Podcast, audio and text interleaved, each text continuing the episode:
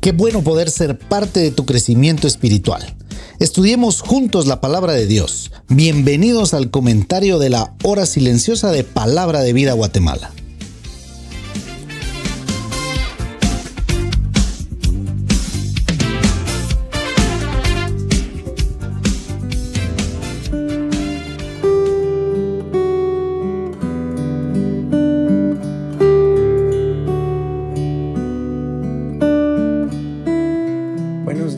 Mi querido amigo, mi querido hermano. Te saluda Héctor Salazar y pues hoy primero de enero del 2024. Dios definitivamente nos está regalando la bendición de comenzar un nuevo año. Y mm, gracias por acompañarnos a lo largo del 2023. Y a partir de ahora, Dios mediante y como Ministerio de Palabra de Vida, nuestro deseo es que nos puedas seguir acompañando y que podamos seguir siendo de bendición y edificación a tu vida con estos estudios. Entrando en nuestro podcast, leo en la Biblia de las Américas nuestro pasaje que está en Lucas capítulo 11, del versículo 42 al versículo 54, y la palabra de Dios dice así. Mas hay de vosotros, fariseos, porque pagáis el diezmo de la menta y la ruda y toda clase de hortaliza, y sin embargo pasáis por alto la justicia y el amor de Dios, pero esto es lo que debíais haber practicado sin descuidar lo otro. Ay de vosotros, fariseos, porque amáis los primeros asientos en las sinagogas y los saludos respetuosos en las plazas. Ay de vosotros, porque sois como sepulcros que no se ven, sobre los que andan los hombres sin saberlo. Respondiendo uno de los intérpretes de la ley, le dijo, Maestro, cuando dices esto, también a nosotros nos insultas. Y él dijo, hay también de vosotros, intérpretes de la ley, porque cargáis a los hombres con cargas difíciles de llevar y vosotros ni siquiera tocáis las cargas con uno de vuestros dedos. Ay de vosotros, porque edificáis los sepulcros de los profetas y fueron vuestros padres quienes los mataron. De modo que sois testigos y aprobáis las acciones de vuestros padres, porque ellos los mataron y vosotros edificáis sus sepulcros. Por eso la sabiduría de Dios también dijo, les enviaré profetas y apóstoles, y de ellos matarán a algunos y perseguirán a otros, para que la sangre de todos los profetas derramada desde la fundación del mundo se le cargue a esta generación desde la sangre de Abel hasta la sangre de Zacarías, que pereció entre el altar y la casa de Dios. Sí, os digo que le será cargada a esta generación. Ay de vosotros, intérpretes de la ley, porque habéis quitado la llave del conocimiento, vosotros mismos no entráis, y a los que estaban entrando se lo impedisteis. Cuando salió de ahí, los escribas y los fariseos comenzaron a acosarle en gran manera y a interrogarle minuciosamente sobre muchas cosas, tramando contra él para atraparle en algo que dijera. Sabes, mi querido, al pensar en este pasaje llegaba a una conclusión. Siempre que Jesús estuvo en un lugar, automáticamente se formaban dos grupos, los que le creían y los que no le creían. en su nacimiento, por un lado, estaban los creyentes piadosos, queriendo alabar a Dios por la bendición de Jesús, y por otro lado, personas incrédulas que fingían temer a Dios, fingían buscar de Dios y alabarlo. A lo largo del ministerio de Jesús sucedía lo mismo. Por un lado, la gente que buscaba de Dios, que buscaba a Jesús de corazón de una forma genuina, gente que hoy leemos eh, su interacción con Jesús en la Biblia y son grandes ejemplos de fe. Pero por otro lado, gente escéptica, gente hipócrita, gente supuestamente espiritual, pero en realidad gente impía y malvada.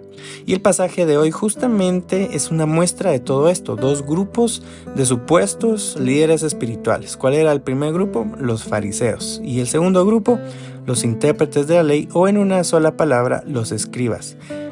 estudiando en el comentario de Warren Wiersbe me llamó la atención que dice que los fariseos sentaron la diferencia entre reputación y entre el carácter. El profesor Wiersbe eh, escribió que los fariseos pusieron la reputación por encima del carácter. ¿Por qué? Porque pensaban que sentarse en los asientos correctos y ser reconocidos por las personas adecuadas los haría espirituales. Y no era así, estaban totalmente equivocados, partiendo de que la reputación es lo que la gente piensa que somos y el carácter es lo que Dios sabe que somos. Entonces, esto hizo que Jesús emitiera juicio contra ellos, porque eso significa la expresión ay de vosotros fariseos. Incluso también era una expresión de condenación divina. Seis ayes hay. Y lo único que consiguieron de Dios a través de Jesús por los diezmos de sus hortalizas y sus preferencias en lugares humanos eh, especiales fue eso, una condenación de parte de Dios y del mismo Hijo de Dios. El caso de los escribas o intérpretes de la ley es muy parecido, si no es que habría que decir igual, porque establecieron legalismos humanos, o sea, reglas no inspiradas por Dios y no pedidas por Él, y, y solo eran cargas espirituales que frustraban a judíos piadosos y que ni ellos mismos cumplían. Pero su condenación de parte de Dios no fue solo esto, sino también fue por venerar a profetas muertos, que dijo Jesús que sus antepasados habían matado. Pero esa veneración no servía de nada porque a los profetas vivos en su época los rechazaron. Entonces, finalmente Jesús culpó y condenó específicamente a esa generación de líderes religiosos por la sangre de todos estos mártires. De hecho, desde Abel. Y qué terrible juicio divino el que deberán de asumir. Ahora, pensemos algo. Si por aquello de las casualidades estás pensando, uy, vaya que no soy fariseo, vaya que no soy escriba, entonces puede que no haya palabra para mí, déjame decirte que tal vez estés equivocado. ¿Sabes qué pienso que nos sucede a nosotros en nuestros días? Lo que dice el versículo 52 tenemos la llave del conocimiento y a veces con nuestro comportamiento no damos el ejemplo correcto de entrar a vivir una vida de temor a Dios y encima a veces terminamos impidiéndoselo a otros por nuestro mismo mal ejemplo. Sabemos que tenemos que compartir el Salvador de Jesús en quien creemos y no lo hacemos. Ahí estaba la llave del conocimiento que otros eh, casos. Sabemos que tenemos que reflejar a Cristo y no lo hacemos. Sabemos que a veces tenemos la oportunidad de dar un buen consejo y lo que menos hacemos es compartir un versículo de la Biblia cuando damos el consejo. Em, también sabemos que tenemos que orar más, que tenemos que leer la Biblia más y no lo hacemos. ¿Y qué obtenemos como resultado? Nuevamente lo que ya dije del versículo 52. Tenemos la llave del conocimiento de Dios por medio de su palabra, pero no lo usamos para nosotros, no se lo compartimos a los demás, ni en palabra, ni en ejemplo. Por eso, vívelo. Estamos a las puertas de un nuevo año. En realidad, eh, es como iniciar otra vez eh, el curso del tiempo, solo que ahora en un calendario a través del mes de enero. Pero ¿Qué tal si empezamos a compartir la llave del conocimiento de Dios con nuestras acciones, con nuestras palabras y más que todo con nuestro ejemplo? ¿Qué tal ah, formar ese desafío, ese estilo de vida dentro de muchos otros hábitos que podemos iniciar justamente en esta época que llamamos un año nuevo?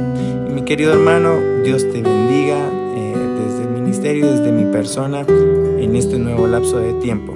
Y además, te animo a que comparte con tu buen testimonio la llave del conocimiento de Dios.